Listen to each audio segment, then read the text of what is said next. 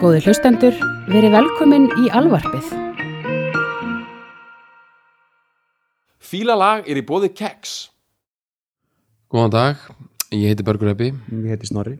Og velkomin í Fílalag. Í dag ætlum við að tala um, um lag sem heitir Changing of the Guards með Bob Dylan. Og við vitum að við erum, að, uh, við erum ekki að ráðast á garðan þar sem hann er legstur Nei, þegar kemur að þessu. Út af því að við vitum að þeir sem er að hlusta á það podcast, þe þetta eru mjög líklega einhvers konar tónlistarpælarar. Já, Og- Já, og ég veit að ef að þeir hlusta til hann þá eru við svolítið að fara bara beint í hinn helgu við með því að tala um þetta lag. Mm. Ég veit að flestir kunna, munu kunna að meta það og hérna, við þurfum ekki að vera hrættið við það en ég veit að við erum komin inn í runni, við erum komin inn í hánjarða sem Já. sagt hringin Já, en við ætlum samt að hafa þetta þannig að fólk sem að veit ekkit hvaða lag þetta er um, mun hafa gaman að þessu líka. Við ætlum líka bara að kynna þetta lag fyrir fólki. Skulum ekki gleyma okkur í nördaskapnum. Nei, nei. Við erum náttúrulega komin svo, við komin svo djúft ofan í hu- hugarheim Dylan sko, bara gegnum árin Já, og okkar pælingum sko. hann er raunni eðlilega stæði verið að fjalla kannski um 2-3 Dylan-lög, jafnvel einhver svona 1960s Dylan-lög, Já, bara eitthvað Just Like a Woman og eitthvað sem fólk þekkir. Já, fyrst og, og vinna okkur síðan yfir þetta lag. Já en ég veit ekki, ég meina það getur líka verið gaman að taka þetta bara án atrinu Já, langstök án atrinu ég veit ekki, þú veist, er ég veit ekki alveg nákvæmlega hvernig við ætlum að tækla þetta lag sko. það, það kemur eiginlega þetta er náttúrulega, þetta, þetta er, þetta er djöfis langlóka, sko, þetta er djöfisins þetta er, þetta er bátum mánaðin, sko, Já. bara þú fer ekkit eitthvað svona, að þú kingir sér ekki einum bita þessu, þessu nei, sko. algjörlega, ég það tók að- mig mörg ára að setja mig við þetta lag, sko. Já, þetta er mjög sérstætt lag og ég held samt að þrátt fyrir það að þetta sé ákveðin endastöð Já, uh, í Dylan-fræðum Changing of the Guards Mhm. þá, þá held ég að við ættum ekki endilega bara að fjalla um þannig, heldur líka að fjalla um sem leikil mm. að, að Dylan kistunni. Einmitt. Og þá, því, það, það, lag, það er alveg eins hægt að horfa á þannig að þetta sé upphafstöðin Mm. og maður backtrackir sig síðan í gegnum fyrir Dylan gegnum þetta lag. Og ég þurfa að veða að það er alveg fullt af fólki sem að hérna, sem að bara uh, þekkir Dylan og kynntist honum í gegnum þetta lag og, músikina sem hann er að gera á þessu Street, Street Legal er sko sölulegasta platan Dylan í Breitlandi sko, já, sem þessi, þetta lag er á sko, einmitt sem er mjög skrifið seldist í 300.000 eindöngum í, í Breitlandi Þú með það alveg að klára já, ég var að lesa þetta Já, ok. og sem er rosalega mikið. Og bara fullt af fólki náttúrulega sem er bara á þeim aldri að þetta var uh, vinsælt. Þetta var bara að hlusta þetta í einhverjum hvað hva gera betra sem ég þetta færi svona í, bara í park, parklife sko, sitja það bara á svo var þetta lag gefið út sem, sem singull og uh, var vist ekki vinsælt í bandarækjunum Nei. en hefur öruglega verið spilað í útvarpi út um allan heim og er ennþá spilað í útvarpi eins og bara á Íslandi. Það lag heyrist á rást 2 einu sinni í viku. Nei einu sinni í mánuði segi ég. Já, já. það er einhver Guðni sem að alveg bara sér um það sko. Guðnum Már og þessir gæjar sko sem að bara get ekki komist yfir árið 1980 sko Nei. Veist, er, þetta er spilað. Þannig að það er fullt af fólki sem þekkir þetta lag og kannski lítur bara á það sem óskum venjulegt Dylan-lag við skulum ekki gleyma því. Nei, nei, en, en svona Já, Dylan uh, aðdáðandur sem hafði fylgst með honum frá byrjun allt frá því hann var þjóðlega tónlistamæður og þar til hann gekk gegnum öll sín tímabil Mhm. þeir, ég held að þetta hafi verið svolítið svona eitt þingsti biti sem þeir hafa fengið þegar þetta kom út. Þetta er, þetta er einmitt það er sko, ég, ég var með töksmyndi og labbaðingar sko að þetta er fyrsta dilanlægi sem við tökum sko, en ég sé fyrir mér að við munum taka fleiri sko, það, og mér stæði einhvern veginn ganga alveg upp þú veist, ég myndi ekki kannski mikið taka mörg bítlalög eða eitthvað svoleiðis fyrir en, en Dylan einhvern veginn, hann gjössanlega breytist og verður annar maður á svona 6 mánuða fresti, Já. svona fyrstu 15, 16 ár. Algjörlega og ég held að sé hægt að færa rauk fyrir því. Þetta er bara svona kenning sem væri gaman að fara yfir. Já. sko 1978 þegar þetta lag kemur út þá er Dylan búin að gangi gegnum svona röfli kannski allavega fjögur tímabil. Já. það má svona tala um þrjú til sjö tímabil, Já.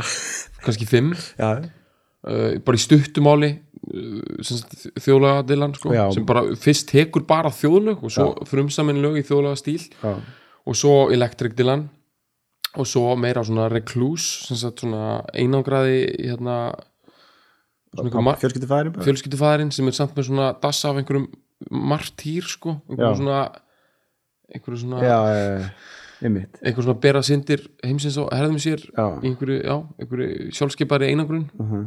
og svo fer hann út í meira bara alveg svona það sem er kallað í dag alveg klassið svona singer-songwriter svona persónulegur Personlega trúbadórin persónulegi trúbátorinn Já, og eitthvað sem líka er ekkert hægt að horfa framhjá er algjört svona adult contemporary dót sko, Ja, ja, þetta um svona þroskaðar og mikla tilfinningar. Já, þetta eru fjögur tímabil og í rauninni er hann ekki komin á fleiri tímabil þannig að því að kristilega tímabil er eftir þetta. Já. Þannig að þetta er í rauninni bara fjögur. Já, þetta er sko, ég segja að mjög það er mjög, skiptir miklu máli hvað hann er að gera þarna. Hann er farin að túra aftur mjög mikið sko. Hann er farin að túra, þú veist, heiminn og, þú veist, bara farin að veginn miklu meira en nokkuð sem hann gert sko. Já, en bara til að rétt klára þessa hugsun sem ég ætla að setja fram Já. niðurstunni sem ætlum að ná Já. ég vil meina að í Changing of the Guards sameini hann, öll fjögur elementin Ok, öll fjögur tímabili Já, og Svona, það já. að því leiti er þetta leikill Ok, og hann meiri sig að fer inn á brautir tímabil sem að á eftir að kongi í Guards með kristilega tímabil já. hann er rauninni, það eru fimm tímabil til hans bara í lokk læst niður í þessu lagi ok þannig að þetta er gullkista eigum við kannski bara að fara að hlýða á lagi Ég held það, ég held það sé komið tíma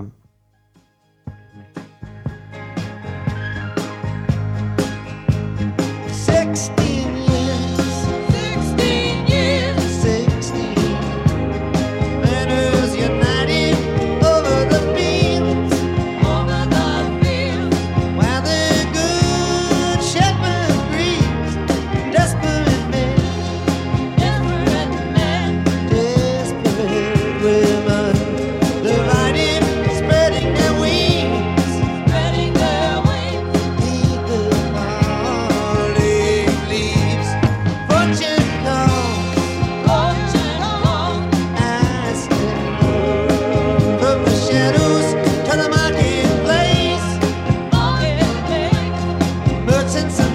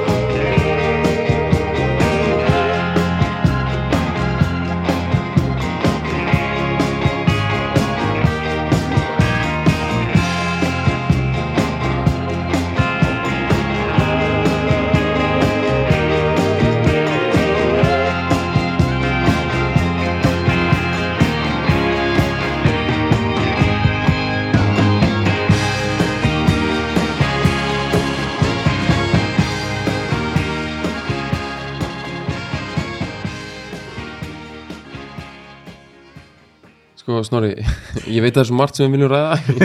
Ég er hérna mér langar, ég, veit að þið langar að tala um soundið og allt þetta. Og við munum tala um Mm, Það- texta kemur. Ja, þetta kemur allt saman, mér langar bara, bara áður en við höldum áfram lengra Láttu það. mér langar bara að byrja á að tala um það að sko, það er þvílík sannfæring í þessum flutningi, allan Mm. tíman Mhm. hún, þessi sannfæring, hún er svo jöfn og stöðug allan tíman Mhm. og lægið byrjar í feit inn eins og við heyrðum. Svo er bara verið að keira sko bara al, þú veist það er bara verið að bera alheimin á herðum sér, bara Mm. einhverju einustu nótu allan tíman og það er ekkert slaka á. Ég er bara búin að vera með raskinnarnar sko klemdar hérna allan tíman með hlustum á það og ég veit að Dylan sjálfur þegar hann flytur þetta að því ég hef líka sér Hann var með spertar sko. Sperta raskinar allan tíman sko. Já, hann gætt haldið sko 50 centa pening já. bara á milli raskina allan tíman sem hann, gerði það. Hann gerði það en sko, ég, ég líka, ég veit við erum að horfa einu í annað en mér langar bara að byrja aðeins aðeins bara varandi hennar texta. Já. ég veit ekki hvort að fólk var mikið eitthvað að sökka sér í hann núna en þeir sem hafa hlusta á þetta lag hafa örgulega langflestir kynstir hennar texta. Sko það fyrsta sem mér langar að segja um þetta er það að þessi texti, hann er mjög samingislaus hann notar öll, hann notar öll stíltricks til hans, það er að segja til dæmis bara hvernig hann fer á milli staða, hvernig hann fer á milli tíða, hvernig hann fer á milli sagt, uh, pe- persóna, það er að segja og sem sagt, í point of view já, meina, já, þið drægt hörð eitthvað svona fyrsta persóna og önnur persóna og sögumast, já, hann notar allt í þessu. -hmm. og bara sögumæðurinn er persóna svo verður persóna sögumæður og svo bara allt einu upp og snúa öllu við. Já. og ég held samt að hann sé ekkit eitthvað í einhverjum stílfræði pælingum eitthvað svona ætli að skrifa þannig texta. Nei.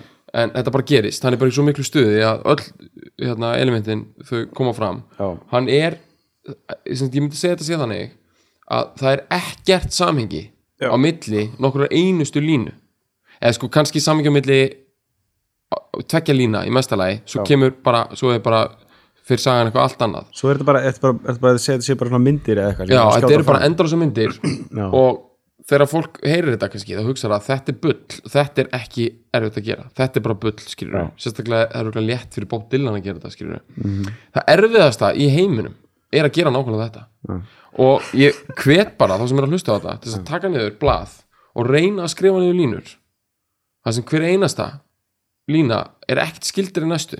Og þú veist að byrja bara eitthvað mjólkurferna úr karboni Já. og segja síðan bara eitthvað þú veist, fyrsta sem ég dættur í hug er eitthvað svona reyðhjól, en nei, það voru hurringatengsl út af því að karbon er, þú veist, reyðhjól er búin til úr karboni, skilur það sem ég er að segja nei, ég alveg tala Já. er að þetta er fáránlega erfitt já, já. þú veist, og það er bannað einhvern veginn að bara skrifa einhverja setningu eða eitthvað lím eitthvað, taka eitthvað dagblöðum skilur, það þarf að vera samt eitthvað poetic sko, sannfæring á baku þetta. Mm. og það er það í þessum texta og til þó að þetta sé svona, einmitt eitthvað svona bull þá er myndið þetta sem hann er að draga upp Já. eru allar að koma úr sama brunnum sko, sem er, sumir segja að þetta sé svona bara ferill hans, þetta er svona eins og overview af ferli til hans, sumir segja að þetta sé kaltæni, sko, hann segir rauninni að mokka Mhm. sjálfan sig, sko þú veist, með, bara því að sumar línundur hann eru svo eitthvað svona dillanlegar, sko Já. og í stuttumáli þá er Dylan, upp úr Dylan brunnunum geta komið þrjú element það eru einhverju sögur af útlaganum sko. það eru einhverju átló dæmi þetta hefur verið alveg á byrjun og þetta tengist bara þjóðlaga hefðinni Já. Og líka mjög mikið sem hann fór að gera bara setni hlutan á sjönda áratögnum það er rosalega mikið svona átló, það er svona einn maður sem segis úr samfélaginu og er bara roaming the desert eða komin upp til fjalla og gerir eitthvað pækt stundum við Guð eða eitthvað annað. Mm. og lifir eftir einn samfæringu og þetta er útrúlega ameríst og þetta er bara Ja. rosa basic. Eh, svo er hann með sagt, svona með það sem við getum kallað hirðarlíf kortlæf, það kemur upp á brunnum líka Ja. það er svona rosa partí það sem er svona flott fólk Svona eitthvað. dekadans, eitthvað svona uh, einmitt og, og svona einmitt bara alveg svona jáðra við einhver svona siðspillingu, Já, brálu já. partí það sem eitthvað fólk sem er ekki tengt alþýðunni neitt og er bara ekki að klika Já. og hann kemur oft inn sem svona svona trúpadór í sko miðaldarskilningi Já. og er svona sereneita sko flottu píunar og bara just like a woman og öll Já. þessi 60s lögan um E.T. Sedgwick og Já. stemninguna í New York, þau eru öll með þessu elementi Mhm, og þetta er bara svona, svo fyndið út þetta er bara klassist sko miðaldar trúpadóra Mhm. Já, element sko. já. en svo er hann með biblíurungið. Og þú veist, og það er bæði eh, bæði er það nú eitthvað sem var og er bæði úr þjóðlega hefðinni og er hann nú greinilega eitthvað eðlislegt Já, sko. og country og og einmitt en, en sko sérstaklega eftir því sem leið á þá, þá kallaði þetta biblíurung eða hann er bara greinilega komin í einhverjar hann er komin bara í einhverjar svona biblíupælingar sko. Já, svona, sem heldur tengist ekki endur alltaf svo mikið trú sko, veist, sem meira biblíðan út frá einhverjum bókmyndalegu samingi sko. já, ég myndi segja þetta, þetta er svona að byrja fyrst almennilega, eða þú veist, ég meina svona fyrsta, svona þar sem að maður sér hann er algjörlega einhvern veginn að sökka sér onni í þetta það myndi vera á hann John Wesley Harding plötunni, sko. Þó að það var náttúrulega komið oft vísanir í þetta, þú veist. Bara all along the watchtower út af dót sko, já, já, er John Wesley Harding, það er fyrst byrjar hann að vera eitthvað svona í eitthvað svona biblíu, sko svona, ekki, ekki alveg svona beint þetta er ekki trúarleg lög, skilju en þeir eru svona einhvern veginn biblíu tengt, sko já, sem er, sem hann er bara notar svona imagery sem Já. er myndmál úr biblíunni já, og, og, einhvern veginn, og þar byrjar hann líka mjög fljótlega að linka það einhvern veginn við eitthvað svona stríð í Asíu sko. Já. og það er rosa mikið Vietnam fílingur yfir Já. síðan næstu plötum á eftir það er alltaf eitthvað já, svona biblíu Vietnam dæmi sko. Já. og þú veist, þetta nær hámarkið þú veist á, á hérna Blood on the Tracks í hérna í Shelter from the Storm sem er einhvers konar biblíu Vietnam bara eitthvað in the ditches já, já, sko bara sko súpa sko. Já og þetta lag sem að ég hvet fólk til þess að hlusta á þegar búið að hlusta á þetta? Já, þetta þarf að leggja sér fyrst, sko það er að leggja sig en það er í rauninni áleika mikil epík sko. En þó, ég held að reynda að topi ekki Changing of the Guards. Pælum hans í titlinum á þessu? Já. Þetta, þetta, þetta þýrir nú eru bara beint, bara svona vaktskipti. Já, vaktskipti eh, varðana já, varðana ég meina, uh, þetta er bara vaktaskipti og ég meina, maður sér mest fyrir sér sko, Changing of the Guards, það er kallað fyrir utan Buckingham Höll og hann í London þegar Beef Eater, Eaterarnir sem eru lífverðir drottningarinnar að þeir rauðum fötum, þessi sem eru utan á já, stóran svartan hatt sko. Mm -hmm. það er að fyrsta sem hann er þetta mm -hmm. maður heitir Changing of the Guards eitthvað svona rosalega formleg vaktaskipti fyrir uh, höll kóngsins í Breitlandi sko.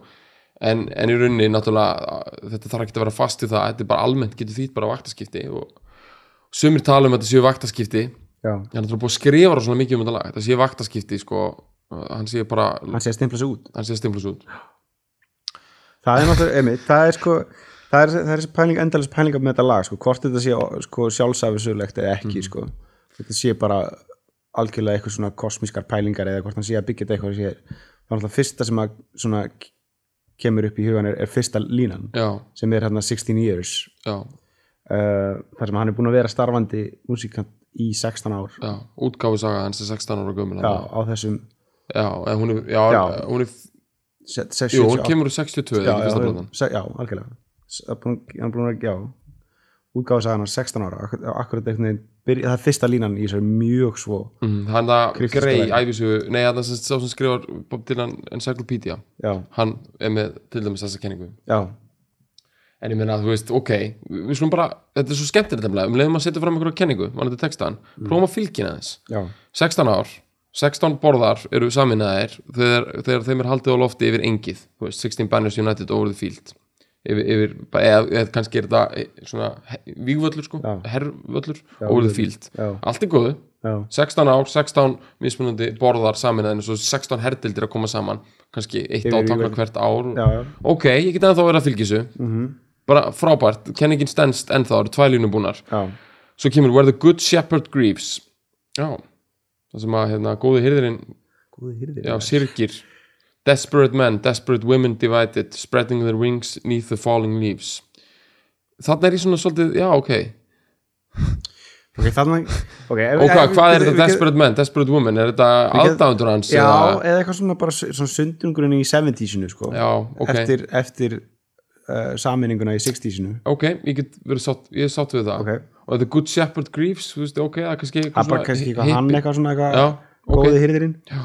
Ok, bara eitthvað svona Sirgir, já, þetta er bara Börnin svo sín. almennt Börnin hippa sín. kynnslóðin, það er komið hausti á henni og löfin falla niður og eitthvað svona 16 ár liðin og bara ok, Fortune Calls og svo kemur fyrsta personin I stepped forth from the shadows to the marketplace þannig er bara komin á einhvern stað sko mm. -hmm. þetta er gaman sko, gæfan kallar það þá að vera að kalla hann á einhverju nýjar inn í nýja tíma, eða er, er hann komin í fortíðina Mhm. -hmm. og hann er kallaði fram og hann stígur fram inn á, inn á hérna, markaðin já, og þetta er svona, ég veit ekki hvað við erum bara ég sé fyrir mér eitthvað svona 17. öld Bretland sko. ég er að nákala þar, ég var þar sko. Og, og þú veist, þetta er einmitt þannig að það er líka þjóðlega hefðinni og það kemur meira þannig sko. Þetta er eitthvað svona einmitt, einmitt. það sem þú þetta er, þú veist, ef þetta var á Íslandi þá myndi þetta vera þingvellir sko. já, þú veist eitthvað, bara árið 1100 og svo þetta sérði einhverja fallega konu og einhverja annari síslu og eitthvað. Merchants and Thieves, Hungry for Power My Last Deal Gone Down.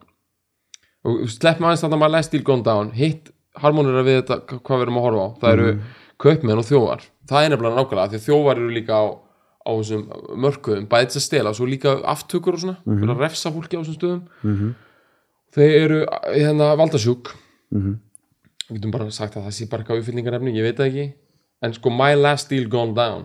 Það geti harmonera við það að hann sé í Changing of the Guards, hann sé bara búin að vera skilur þetta er bara 16 á liðin. Svo kemur She's bara hún er sko, She's smelling sweet like the meadows where she was born on Midsummer's Eve near the tower.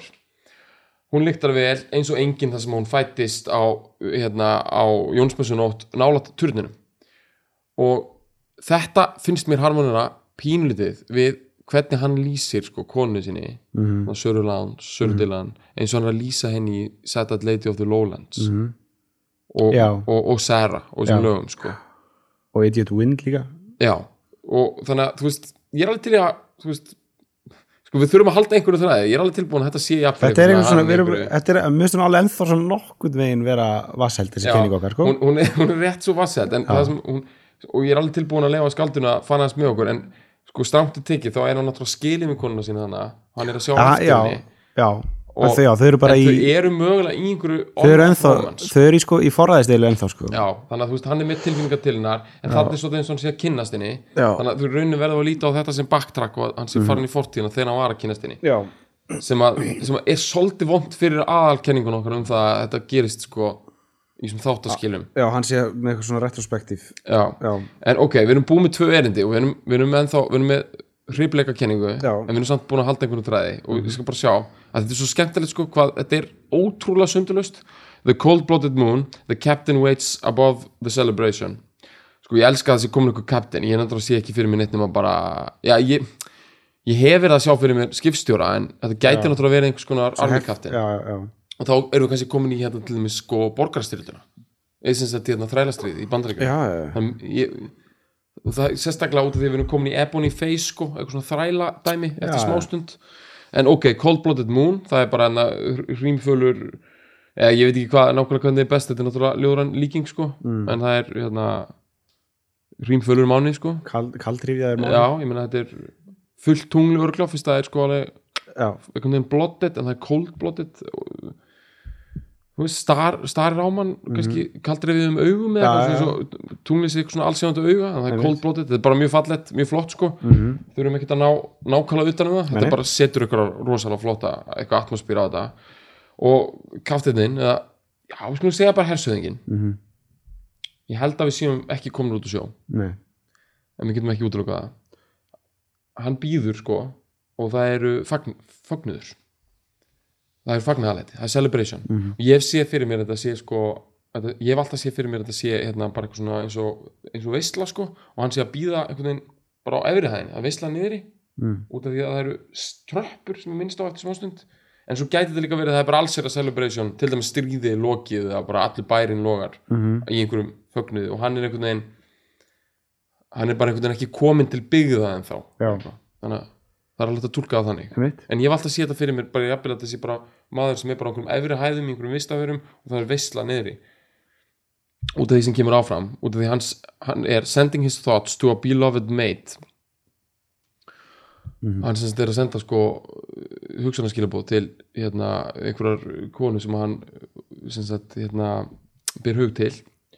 Whose ebony face is beyond communication? Hún er, er dökk yfirlitum mm.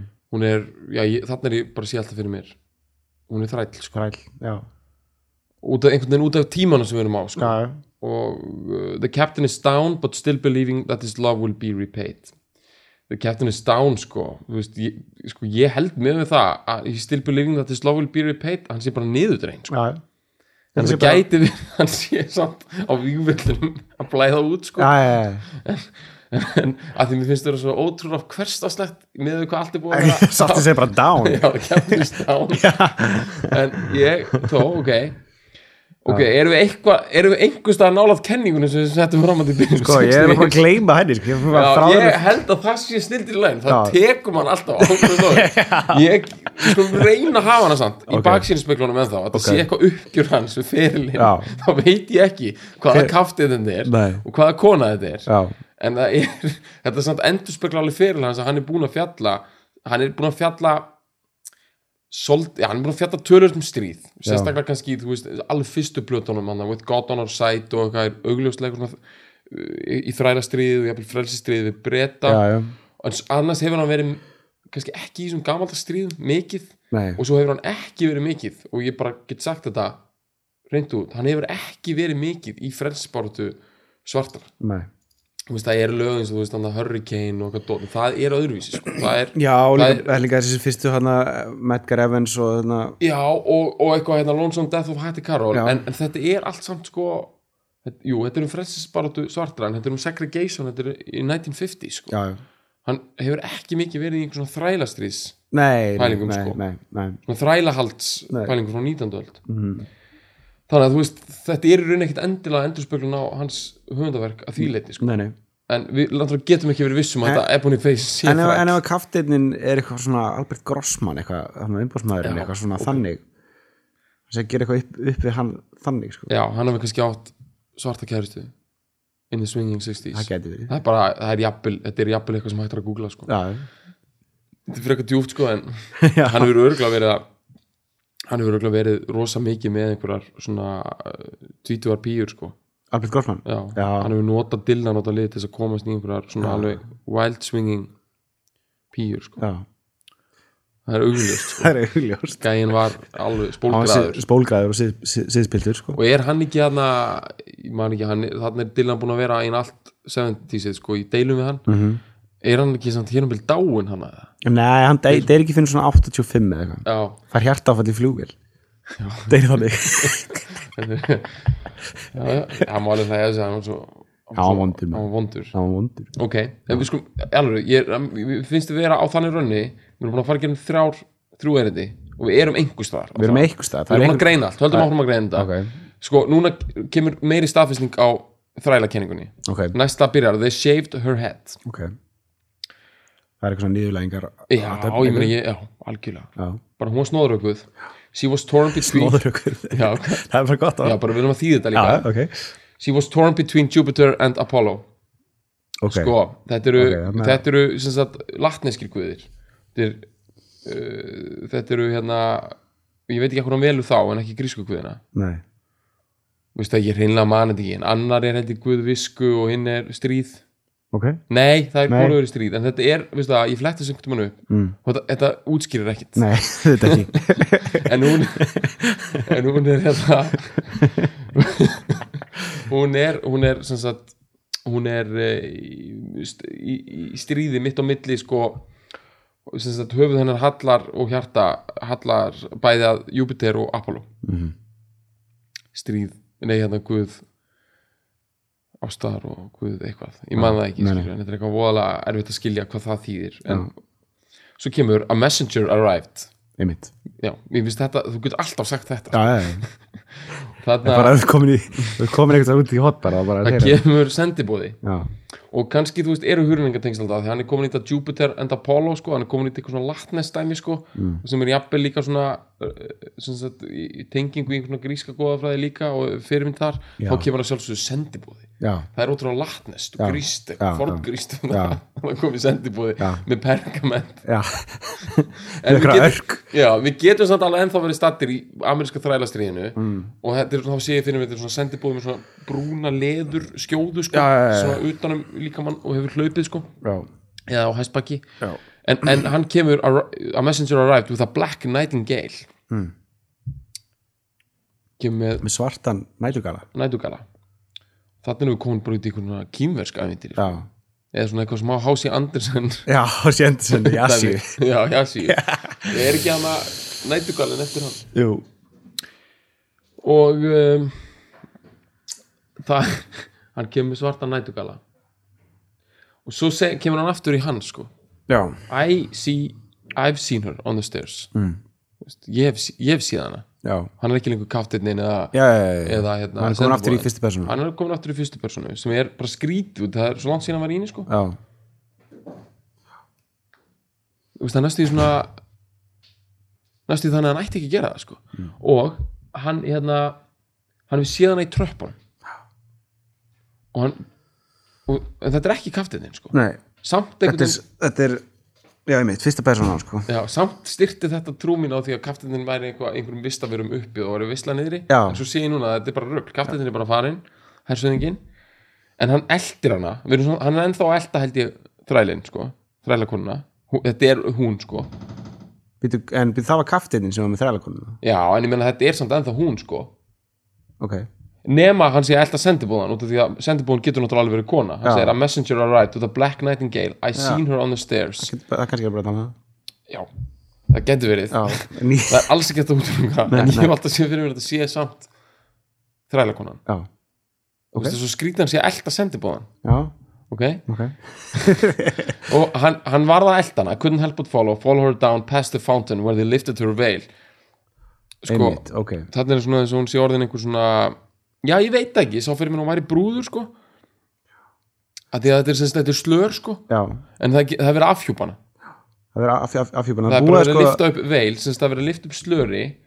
Þetta hliðin á gósbrunn svona ekki glemma því. Mm. þar sé ég líka fyrir mér þetta er svona söðuríkja dæmi sko, 19. aldar. Já, follow her down past the fountain sko. Sko ég var komin, ég var komin þegar þú sagði ster, sko, þá var ég komin í hann að Róm, hann að the Spanish hann að spænsku Inquisition, já, nei, hann að hann að uh, stigarnir, hann að tröppunar í, í Róm bara, hann að spænsku hvað heitir þetta, heitir þetta spænsku eitthvað tröppunar, eitthvað leiðis Hvað, bara eitthvað fyrir utan þingið? Já, nei, þetta er eitthvað svona eldgamalt eitthvað dæmi sem Já, er þar. ég Ég, Ég var þar sko, það er svona, og það er svona sem þessi gósbrunn líka eitthvað, Róm eitthvað svona, ég var, Ok. ég var þar sko. Þetta er skemmtilegt. Ég var nefnilega meira einhverju svona Suðuríkja Já, En þú veist, samt, samt þitt er eina betra Því að þeir voru ekki alveg með gósbrunni þar. Nei. Þeir eru kannski með það í dag sko. Já, já, já. Sér fyrir mér svona eins og það er gósbrunnur í lokaðatriðinu á Scarface. Já, Það væri svolítið eins og það já, já, já, Sett upp, samt eldra sko. Já. Ok, Ekki spurning sko. Ok. En hérna uh, Já, hann við getum alveg verið hann í Róm sko Sérstaklega eftir að sendibóðin kom. Já, og hann heldur áfram í fyrstu personu. Við skulum bara fara hrætti við þetta en Mhm. sko við erum eiginlega meira en hálfnaðir. En mér langar næstu að taka þetta heim sko ok. Ok, I stumble to my feet. Já, og það kemur smá svona það kemur hraði í narratífi núna sko. Hann, hann fyrir á fætur. A road past destruction in the ditches. Já, mjög mikið svona Vietnam stríðs eitthvað fílingur skilur eða þræla stríðs fyrir fram hjá eðileggingu Mhm. og komin í skurgra, skurgrafir with the stitches still mending og hann er ennþá með hérna, skurði á sér og það er búið að sauma það upp en, en þeir eru ekki alveg búin að hérna, ekki búin að jafna sig. ekki búin að jafna sig. Hann er ekki búin að jafna sig. Og hann er ekki búin að jafna sig beneath a heart-shaped tattoo sem ég finnst þetta svo mikið stílbrot. Já. að því maður er alveg komin í eitthvað svona í þræla stríði Já, svo var eitthvað sjóara tattoo sjóara tattoo sem á greinlega þýða samt skilur hann, hann, er illt í, í, í sári sko, sem er við heart-shaped tattoo. Þetta er eitthvað er að já. læknast sko. Svo fer hann bara beint í einhverjar, einhverjar skemmtilega pælingar hann Renegade Priests. Það eru svona prestar sem hafa svikið málstæðin sko, Mhm. sem er ekki trúir málstæðin sínum lengur and treacherous young witches. Já, og, og svikular ungar nornir. Já, við erum að passa okkur á þeim sko. Já. þær eru alveg svakalegar sko. Þær eru svakalegar. Ásamt sérstaklega þegar Þeir eru prestar. já, þegar uppgefa prestar sem já. hafa svikið málstæðin eru með þeim. Já. we're handing out the flowers that I'd given to you Einmitt. Og þetta er bara svo skemmtilegt hvað hann er búin að setja sko til lýsingar áttur þáttíðar sko, hann er búin að gefa henni blóm, við veitum ekki hver hún er hvort Nei. þessi svarta þrælakonan eða hvort það sé Sarah Lowndes eitthvað hana kona sem fættist on Midsummer's Eve near the Tower. Já, en hann er búin að gefa henni blóm sem greinilega er búið að taka af henni. Já, af þessum sviklu nornum og þau eru núna að dreifa því út um allt það er bara svo, svo mikil sögn Ok. í þessari setningu sko. Það, það er svo margt skeð svo, Ok, þetta er samt gott. svo ótrúlega tilgangslaust allt sko. Allt, sko, og það finnst mér súmer upp hennar texta mm. mér finnst þetta að vera svo rosalega stórt imagery og v- þetta er vindtök eftir vindtök eftir vindtök það er að segja, hann byggir aldrei upp momentum textin, nei skilur Hvernig þá? það sem ég á við er það, það kemur aldrei skriðþungi í hann Mm. En sko það er náttúrulega snildin sko, og það er svo erfitt að skrifa texta sem hefur ekki skriðþunga Mm. hann byggir aldrei á pælingu sem er komin á undan. Nei, þú veist, hann, hann er alltaf komið einhverja nýja mynd og, hún, og hann verður alltaf meira og meira desperat. Og við sjáum hann til loka sinni að því að hann er alltaf með vindtök og vindtök skilur og hann, við náum ekki nefndi tengingu þá verða alltaf setningarna rosalegri og rosalegri. Mm. til þess að halda aðtigli og hann bara sperrir raskirna meira og meira. Ja. og við skulum bara halda hann að blára minna við skiljum ekkert lengur, allar kenningar er The Palace of Mirrors. Hann fyrir næstu það. Speglahöllu. það er speglahöllu, við erum komin í ykkur bara algjört ævintýra dæmi. Já, já, já. where dog soldiers are reflected. Einmitt. Já, við erum komin bara í ykkur svona surrealist skilur, Já, já. hunda, hunda hermenn Já. speglast þarna. The endless road and the wailing of chimes.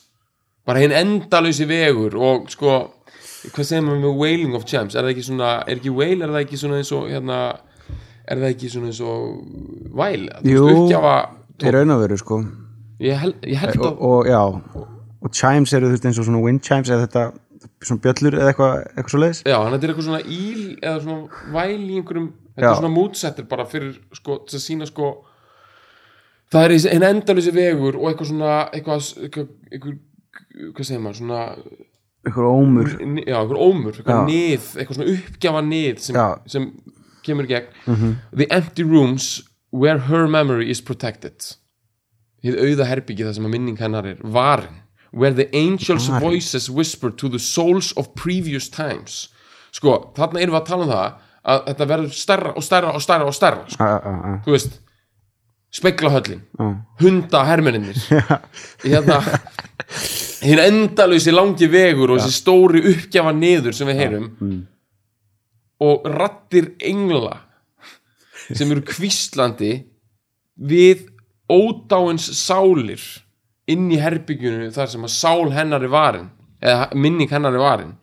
Já, veist, þetta er bara, veist, skilur þetta er eitthvað, hann er að lýsa einhverju svona svo brjálasla stóru sko, en mér finnst svo- einmitt svo skemmtilegt að þetta er einhver sammingi það sem hefur komið áður. Já, þannig þess vegna þarf þetta að vera svona stórt skilur hann meinar þetta svo fáranlega mikið sko. já, svo erum við komin út í bara alveg straight narrative og eftir þessu, Já. she wakes him up. Og ég elska þetta, þetta er svona eins og í bíómyndum þegar það búið að vera eitthvað ótrúlega stórt, svo bara kemur eitthvað svona moment. Þetta er svona eins og lokaðatrið í, í hérna Goodfellas, þú veist það sem hann allt í hennu bara hann að hann að opna skottið og fyrir hann í loka hérna, þú veist, rúntið sinn sko. Ok, hún vekur hann. Mhm. 48 tímum síðar þá brýst sólinn fram. Eftir hún vegur já, ég meina, já. Ok, 48 hours later the sun is breaking sem bara er ótrúlega skemmtilegt skilur, hún vekur hann og það er myrkur í 48 tíma. Mm. svo kemur sólinn fram. Þú veist, þetta er bara einhver svona bara einhver, þetta er bara, þú veist, við erum að tala um að hann er að servera hérna epic bara í elspýtustokkum hérna, Já, já. þetta er bara við opnum bara stokk eftir stokk, sko, þetta er svo fárlega gott. Það eru 40 það eru 48 tímar af myrkri. Ok, near broken chains mountain laurel and rolling rocks. Og mér finnst það það er svona eins og einhver hafi verið frelsaður, sko, það eru broken chains mountain laurel and rolling rocks þú veist, uh, þú veist og það, það kannski harmonur þetta eitthvað við þarna þrælinn sem er búið að tala um, það er svona eins og að sé eitthvað frelsi að þessi stað sko. She's begging to know what, mes what measures he now will be taking. Sest, hún er að krefja hann já, sem við veitum ekki hver, getur verið kaftinnin eða eitthvað hvað hann ætla að gera núna. Svona næstu því samt eins og að hann að þessi komið eitthvað krafa á hann um að hann eigi einhvern veginn að þannig er það líka komið í þú veist, she wakes him up þú veist, en það er komið í þær- þær personur sko þannig er hann orðin svona hlutlaus sögumæður aftur einhvern veginn, eða þú veist algjöra, Já. en það sem ég skemmtilegast það þetta er orðið svo pragmatíst núna, við vorum bara einhverju souls of previous times og Já. eitthvað memory is protected og mount, hérna, eitthvað, hérna, palace of mirrors. Nú erum við komin út í eitthvað svona, "Bíddu, hvaða rástafanir ætla þú að grípa til núna? Já, bara, ég, ég er að gera kröfu á þig um að þú útskýri hvaða rástafanir þú ætlar að taka núna. Og hann segir, he's pulling her down and she's clutching on his long golden locks. Ég meina, hann er að draga hana en þú veist, hérna er eitthvað svona þetta er eitthvað svona Rapunzel hérna, þetta er svona Rapunzel þjóðsagan in reverse. Mm þú veist, sem sagt hún, er hún, hún heldur í langa ljósa lokka hans. Eitthvað högna dæmi hérna. já, en þú veist, er þetta ekki þetta klass, klassika æfintýri þarna sem er búið að gera Disney mitt jú, jú, jú, Rapunzel, já. Ok. Vi, við skiljum það algjörlega að búið að snúa því við þú veist, þarna, ég sé fyrir mér að þetta er hann í einhver svona, ótrúlega desperate einhver svona feminista movie þarna 1978 sko. Já, eitthvað svona slá um sig með, við sláum sem með eitthvað svona snúa þessu æfintýri við sko, Ok. kannski þurfa hann, hún að halda í langa lokka hans sko. Ok. Ok, ok, svo segir hann gentleman, he said, and I don't need your organization. I've shined your shoes.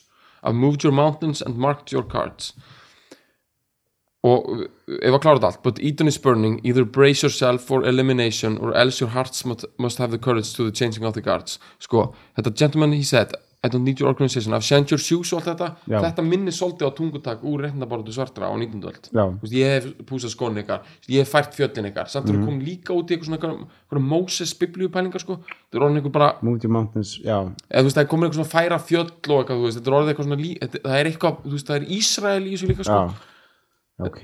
Ég meina þú veist ertu ekki sammála? Þetta, er eitthvað svona Mount Sion dæmi sko. Þú veist við erum komin í eitthvað allserjar myndmál hérna. Og marked your cards eitthvað en Eden brennur sko, paradís brennur. Þú veist, nú er bara allt í hennu, bara allt komið í gang sko.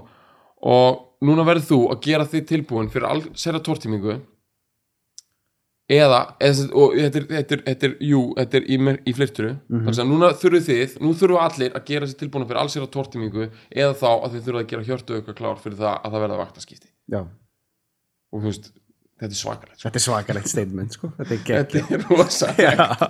Og kannski, þú veist, alltaf því búin að vera að segja þetta þetta séu vindtök og allt þetta, þetta séu eitthvað svona ég er eiginlega neglir hann. Já, ég er að meina þetta líka með sko, hann er hann, þetta er svona eins og þú ert í fáranlegri vörd sko, Já. og þú þarft alltaf bara að ná einhverju gránt sko, Já, þú veist, þú þarft bara að búa til einhverju, marka einhverju línur bara hér og það sko, Já. og hægt og rólega þá ertu bara komin alltaf lengra og lengra skilur. já en það sem Þetta ég er, við þetta, það er, þetta, er, þetta er svona hérna ditching, þetta svona hvað heitir þetta, skotgrafa hernaður sko. Já, þetta er, þetta er Þetta er það. Hann Það er tekur- það sem ég á við með það, þetta hefur ekki momentum, sko. Þetta er ekki svona sem þú bara sækir fram og bara einhvern veginn óverindi falla. Þetta er bara skotgröf, skotgröf. Ég komin hingað, já, já, Annars þurfa hjörtu ykkar að hafa hugreikið til þess að- til þess að vera fyrir vaktaskipti. já, Svo kemur loka línan mín, sem er, loka erindi, sem er náttúrulega bara uppáldum mitt. Það er náttúrulega, getur bara verið kennsluefni í algjöri andnitni. já. Að- andnitni út því að það ekkert hérna hittir í mark sko, af því að maður heldur alltaf að maður er geðugustuði hann endar þetta á peace will come. Friðum mun ríkja. Nýbúin að segja að bara paradísi að brenna Já. og bara gera þig tilbúin já, en menn, þú veist, þetta- er svona, þetta er náttúrulega bara svona eins og bara einn mestu episku ljóð, þetta bara minnir á völusbáð eitthvað, mm. þetta bara rís upp einhver nýr heimur, en ég elska hvernig þetta er allt saman orðað, friðum mun ríkja. Bara peace will come, friðum mun koma with tranquility and splendor on the wheels of fire. Þetta finnst mér geði ekki líka sko. Hann, Ok. kemur, hann kemur með svona hófsemt og þú veist þetta, af kyrðu sko. Og, og bara glæsilega. Glæsilega. Á, á, á, á eldhjólum. Já, sem, sem er- Friðurinn sem er- kemur inn já, á eldhjólum. já, bara herskár kemur hann inn bara, glæsilegur og já, samt, rólegur. samt í kyrð já, og glæsilegur á eldhjólum sem ég sé fyrir mér einhvern svona einhvern chariot einhvern, einhvern logandi aftur komin eitthvað svona lat, hana, latnast eitthvað góða fræði sko. Ok. But will bring us no reward.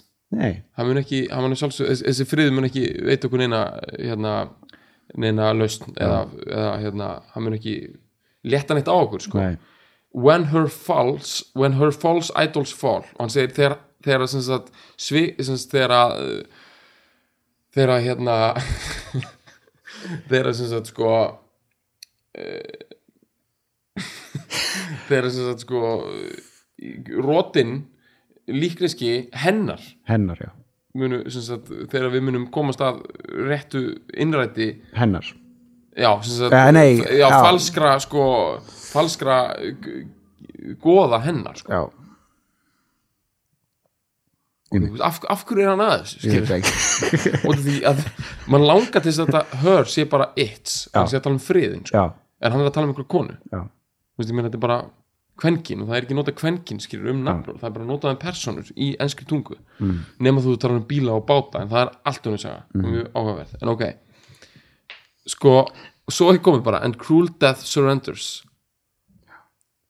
sem er gott mál. Döðin gefst upp. Já, bara hinn hin grimmi döði hann, hann gefst upp with its pale ghost retreating. Þetta er svona flotturum í svona hernaðar sko lingói Mhm.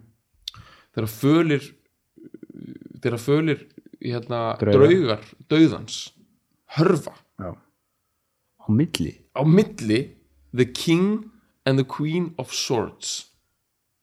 Milli kongs og drottningar sverðsins punktur punktur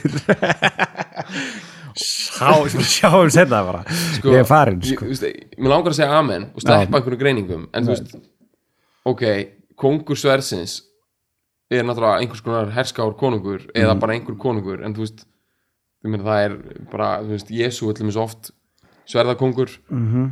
í biblíunni og, og þú veist, þetta getur bara verið miskunnsam með Guð og allt það, en af hverju samt hörfa fölir draugar, dauðans á milli konungs og drottningar Sversins sversins hver er konungur sversins hver er drottning sversins og hvaða territóri er á milli? Og akkur fara draugar dauðans, akkur hörfa þær og stoppa þar?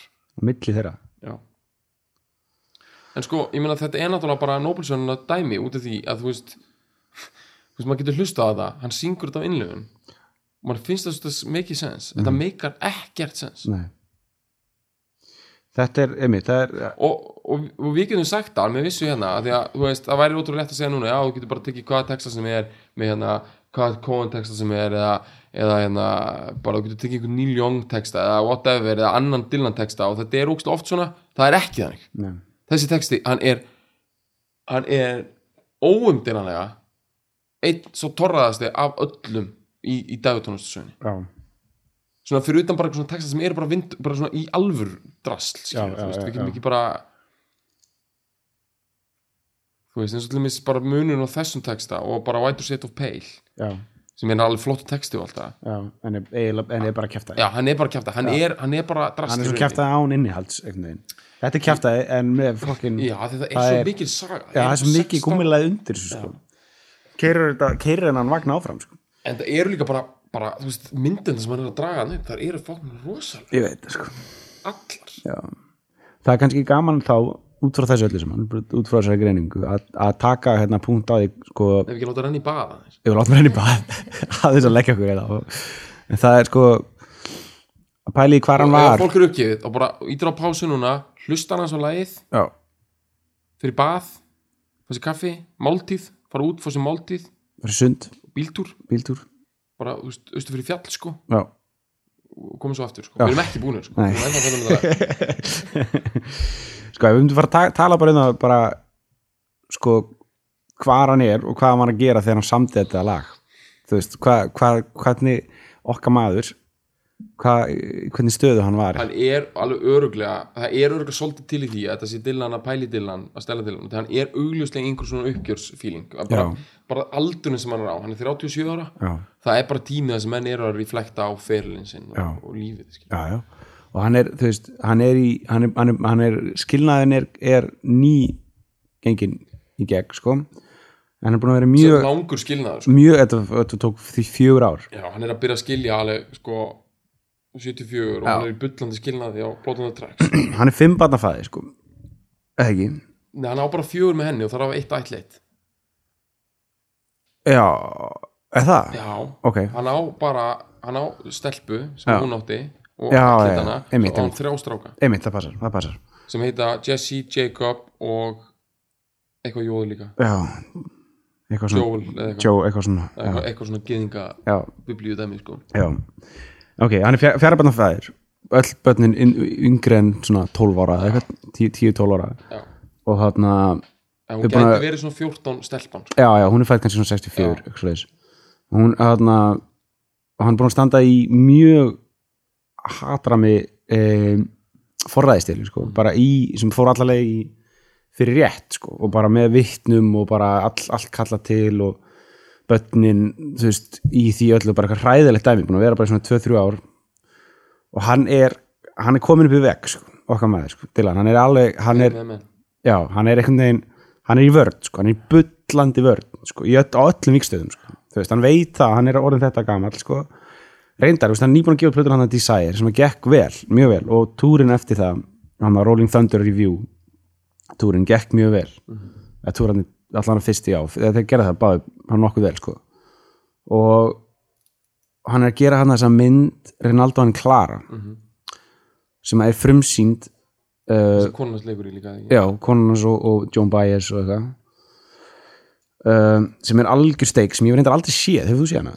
Nei, Nei, Nei. það, það er eitthvað sem við hún var vist ekki sínd í bíó hún sínd bara eitthvað þrísar og já, svo bara voru af henni brend já, það bara og það, en það er, já, og urðuð og salt salt sett í já, í grasið sko. já. En hann það sko, já, hann er að gera hana. Hún er, hún er, hún er hana, frumsýnd hana er það vet- 74 eða eitthvað? Nei, hún er, hún er veturinn 77 er hún frumsýnd sko. ok. hann er lengi að kl- klára hana ég sko. held að bara þegar hún byrjaði hafið þau ennþá verið saman sko. já, já þegar voru að taka hana upp, þá var, það ekki, þá var, þá var það ekki búið sko. en þetta bíómynda fyrir Dylans er misefnaðir ég meina bara til þess að hlaupa mjög hratt yfir það sko. Þá er það þessi mynd. Svo er það hann að the Kid Pat Garrett Billy the Kid Mhm. sem hann átt að leika stórt hlutverk. Það er þetta mynd sem fekk einhver óskarsverðin og er mjög flott. og hann gerir tónlistina við en hans hlutur eitthvað klift alveg rosalega mikið niður og hann er bara með einhverja þrjá línur og hann er fáranlegur í henni sko. já. hann ætlaði að vera leikari eins og fullt af tónlistamönnum tókst að gera Mhm. svo er hann ekkert að leika nema bara í þessari svo leikur hann aftur í myndan árið 2000 já Anon- An- Já, Anonymous já. og gerir músík líka og allir vildu leika með honum í þessari mynd og, og eitthvað en hann skrifa ja, hún er vist sko hún bara, veist, ég held að bara þegar hafði tók hana bara út af IMDb hún er svo lága einhvern sko. Já. þetta er bara niðurlægingin er gríðaleg já, já, en hann dýrka bíómyndir og hann fekk Óskarsvölun fyrir tónlist fyrir mynd sem heitir Wonder Boys. Mhm. svona árið 1998 eitthvað leis og hann elskar Óskarsvölunin sín og tekur þið með allt sem hann fer. Og hann tók við til dæmis með til Íslands sem hann held tónleika í ljóðsöllinni og þau voru hún á gítamagnarnum ha, hann er alltaf með Óskarna með sér. Í já, hann elskar Óskarna sín Þú vil, er hann fucking skrítinn maður ég skilja þetta mér, Óskarinn er eina af frægasta velun, frægastu velun sem getur fengið. Já, þú veist, flottustu, mm -hmm. veit allir. Nakkulega þetta eru skýra gullið þetta dæmi, sko. Nei, nei, þetta er gullhúðar. Já.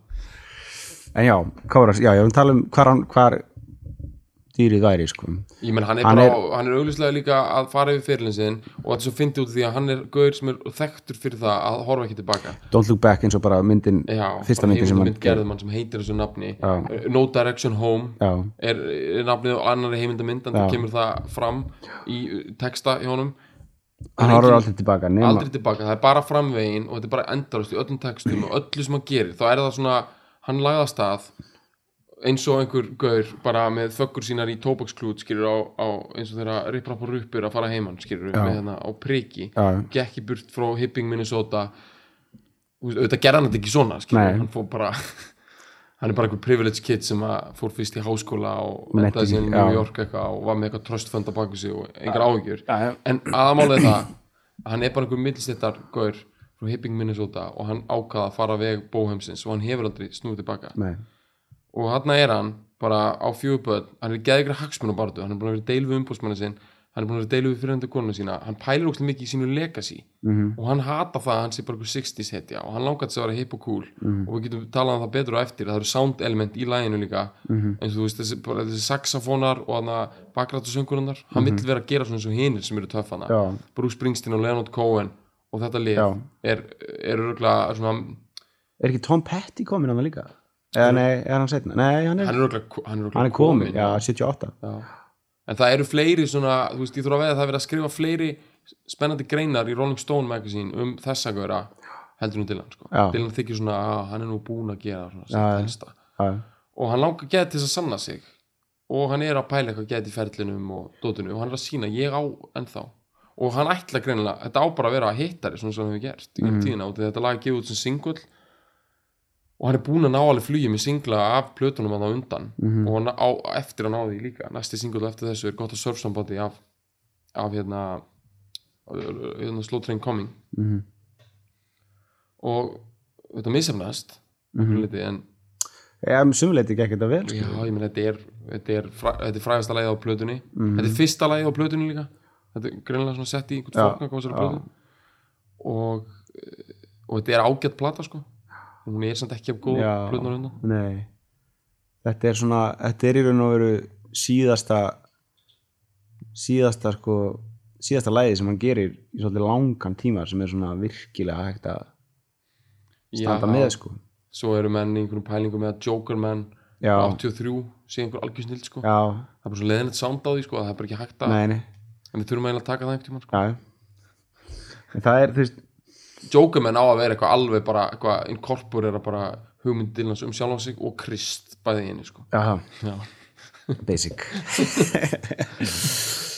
Algjörlega sko, hann er, þú veist, það er það er, þetta sound á þessari plötu er, er fáránlegt sko, það er það sem hefur svona og á þessu lægi er mjög skrítið segðu sko. það bara, segðu það bara. Þú veist, þú, ég veit að þú veist hvað þetta er. Þetta er bara mjög, þetta er mjög skrítið sko, hann, hann setur upp eitthvað svona er, þetta er eitthvað svona þetta er svona pop-rock eitthvað, eitthvað svona stórsveit þú veist, sem hann er, að reyna- hann er að reyna að ná þannig soundi, svona, svona svið soundi frá svona mid-70s svona stóri eins og, eins og- Presley var að vinna með, þú veist með, með, með backup-söngurina og þú veist svona þrjá ramaskítara þú veist og eitthvað svona eitthvað svona, eitthvað svona Phil Spector eitthvað svona ómur af því sem, sem hann ætlaði, sem ég held að hann ætlaði að reyna að ná sko, en náði ekki þetta er stórt sound samt. Já, já, þetta er það, en það bara náðist ekki alveg. Já, það það er, líka bara áaf hallaræslegt þess að ná þessu já, já. wall of sound feeling sko. Þessi plata tekin upp á fjórum dögum eitthvað tímann svona milli túra hann er enn og aftur komin í hot, sko, en tímaþröng líka, líka sko, sem samt er cool í þessu lagi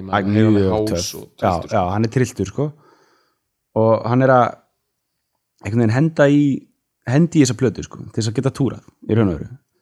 Og hann er, þú veist, hann er eins og vorum að tala um á, hann gangi gang, gegnum hennan skilnað mjög, ég fyrir að því í, í, í sko forræðisdeilunni, hún var eitthvað svona settlu með eitthvað samningi og það var eitthvað svona, það var eitthvað svona klausa í samninginu en hann mætti ekki hitta barnfóstru barnan sína já, hann var eitthvað búin að vera dörrast í henni sko Já. það var eitthvað svona eitthvað, eitthvað dæmi, eitthvað, skilirði frá, frá Söru sko já. svo er önnur klausa í þessum samningi sem Mm. að er um að hún hefur aldrei mátt tala um um hvorki skilnaðin nérunni bara hann. Sara, já, hún hefur alltaf haldið það sko.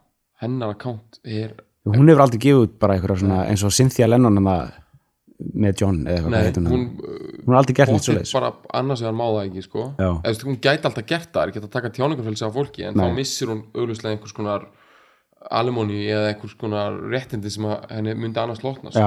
en svo held ég líka að það sé bara einhver veist, ég held að hún sé líka bara þannig típa eitthvað það, sem er lesið um hann sko þetta var einhver rosalega samningur. Það voru örugglega svona 20 entertainment lögfræðingar og þrýr skilnaða lögfræðingar allt svona Hollywood based með geð hvíta tennur. Já. Hann býr í LA á þessum tíma sko. hann er nýflötti til LA já, hann er nýbúin að byggja hana húsi sitt sem Já. hann á ennþá. Já, það sem er eitthvað svona eitthvað hesthús og eitthvað, þetta er allt eitthvað þetta er eitthvað samt, á, í Santa Monica uh, í LA og hann er þetta er eitthvað alveg heavily gated community dæmi sko. Hann bjó í mörg mörg ára undan því upp í, í, í upstate New York eða uppsveitum og New York uh, fylgis hann er nýfluttur hangað svona tildurlega, kannski ár Já. búin að búa í LA sko og í því öllu, þeim, þeirri plastveröld sko já, það komur einhver hólur hljómur í hann sko já, ég meina þú veist þetta Woodstock dæmi og hann á Upstate New York þá Svo- var hann já. að gera meira svona lýra, Já. lýra dæmi sko. svo flutt hann bara til New York, bara á Manhattan sko eftir, eftir, til- eftir upstate, já. Og svo í skilnaðarum flyttur hann til LA og þau bæði samt, þegar, hann, já, ég held að húsið það hafi átt að vera fyrir þau öll sko. já, já, en þannig er hann bara, ég held að hann sé í, sko, ef hann er ekki að túra einhverjum ótrúlega sorglegum túrböss mm. -hmm. alveg bara eða bara mestalega með einhverju jámenn í kringu sig sko, bara eins og Elvis Presley og, já, já, og komin í sko, þá er hann alveg í risastóru húsinu sínu og þetta er bara eitthvað svona hérna, Randolph Hearst dæmi sko. Mhm.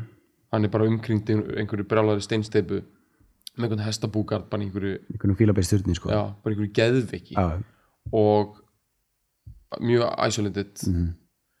og hérna og fer þá í þessa, þessa endurspeglun maður skilur það vel já, sko. ég, algjörlega, ég held að þetta sé skólabókadæmi já, og uh, það er bara gaman að svona fáránlega gott prótot hafi komið út úr því. Það yfirleitt er svona dótt bara algjör drast. Mhm. það er ekkit gaman að pæla í einhverjum þrjá- einhver 37 ára gauður eitthvað farið við lífsitt sko. það er yfirleitt bara heru, bara segðu þetta hún í póka sko.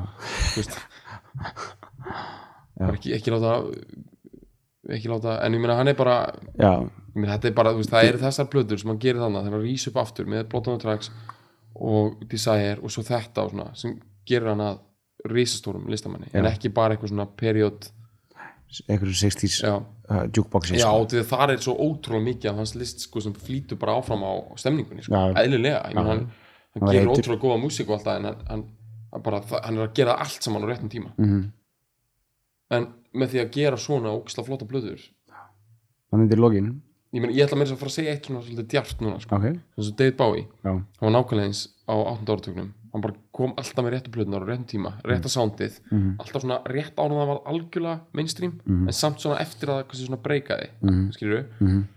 Og var bara, gerði bara bæði úkslega vinsala plötur, ótrúlega svona listrænt artistik, djúpa plötur svo hefur hann algjörlega haldið svona artistik integrity eftir það og hann er svona gaur sem hann hefur aldrei orðið sorglegur Mhm. en hann hefur aldrei komið með plötu eftir bara Let's Dance eða eitthvað 83, hann hefur aldrei komið plötu sem svona virkilega, er svona dót sem virkilega svona bara, þú veist svona heggur í gegn sko, Nei, sem bara horfir inn í sál hérna, þjáðs og ótrúlega djúps listamanns mm. þá hann hafa alveg reynda og fleiri skilur já, já, en ég er ekki að segja hans einhvern bara period fylgja en, Nei, nei. meina, en Bob Dylan hefur náð þessu og hann næri þessu hann er ennþá að ná þessu sko, Já, í rauninni það glittir alltaf í sársöka í fullt af dóti mm. mm. veist, Mm. Veist, þú veist ekki nema bara þú veist, hann gáta þarna tvær fyrirlina sem við náð mörgum lægðum sko. Ma- mörgum en svona upp á 92 og gefur hann út hann hérna, Good as I've been to you já, World Gone Wrong mm. þar eru svona gullmálra inn á milli sko. já. Og og svo er hann að Time Out of Mind. Mind skilur er alveg hún er drullu solid sko. En þarna er, ef við tölum aftur um Changing of the Guard sko þarna er okkar maður. Uh, hann er bara svona að hlaða í eitthvað hlaða í eitthvað svona ég veit ekki hvað, hvernig er já, þetta er eitthvað svona bolti. Já, með öllum þessum vindtökum og þessu, þessu, hann er svona upp ykkur ríki sko, bara endalaust og, og svo bara svo allt í einu einhvern veginn út úr í stígur eitthvað fram eitthvað, það er eitthvað svona hugsun hana, sko. Já, já. við erum búin að vera að reyna að fatta nákvæmlega hver hún er sko. það er eitthvað, það er eitthvað upp, upp úr öllu þessu, þessum rík stormi kemur eitthvað svona, eitthvað svona já, ég held að það sem við getum tekið saman já, ég held að það sé hægt að taka út úr þessu. Þetta er smá uppgjör við sjönda áratugin Já. og allar þessar pælingar um það að þá átt að koma ykkur friður og frelsis bla bla bla. Mm. og núna er ég með þess að reflekta aftur á hana hugmyndunum um það, þú veist, þegar hann að tala um hana það er búið að brjóta, brjóta keðjurnar og það er einhver hérna, steinar rúlandi niður brekkunar hana, eins og þessi komið ykkur, ykkur frelsi sko að því lægið þá kemur þessi fárlega lína með hana she's begging to know what measures he now will be taking. Já, og þú veist, auðvitað allir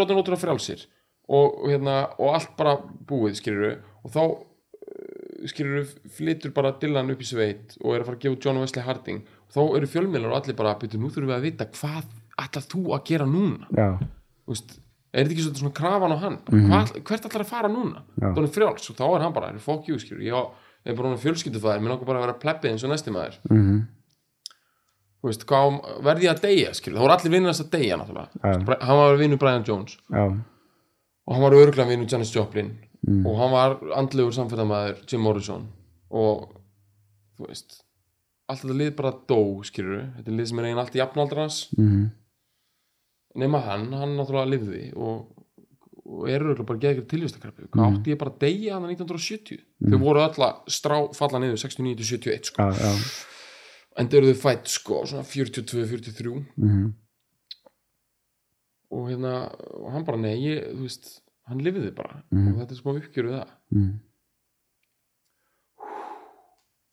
ég held að Ég held að, ég get ekki meir sko. nei, ég, við erum búin að Þetta er einhvers konar greining En þetta er æðislega, þetta er fallet sound já, Og- við erum ekki komin inn á nýðustöðu sko, en það er ekkert endilega pointið sko. það er bara, nei, nei.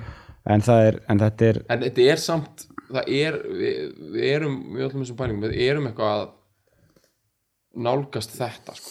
Veist, Þetta er augljóslega einhvers konar uppgjör Mhm. Þó þetta sé, við erum ekki að taka bókstælega Þetta sé eitthvað svona dillan að fara yfir einn höfundaferil sko. Mhm. og er þetta einhvers konar uppgjör við svona þessar rosalu frelsishugmyndir hans kynstóðar og hvernig er að lifa eigin kynstóð Já. og sitja uppi bara búin að skilja einhverju brjálæri hagsmunabaróttu inn í einhverju steinsteipu höll og það er bara hólur hljómur við vorum að tala um það þannig að- að eina erfiðasta lín, línan hann Wailing of Chimes já. Þannig bara situr einhver starf það er bara empty rooms the long bara, road já, veit, heyri bara eitthvað svona óm af einhverju einhverju fortíð sko. hlustum að lagið aftur. Takk fyrir okkur í dag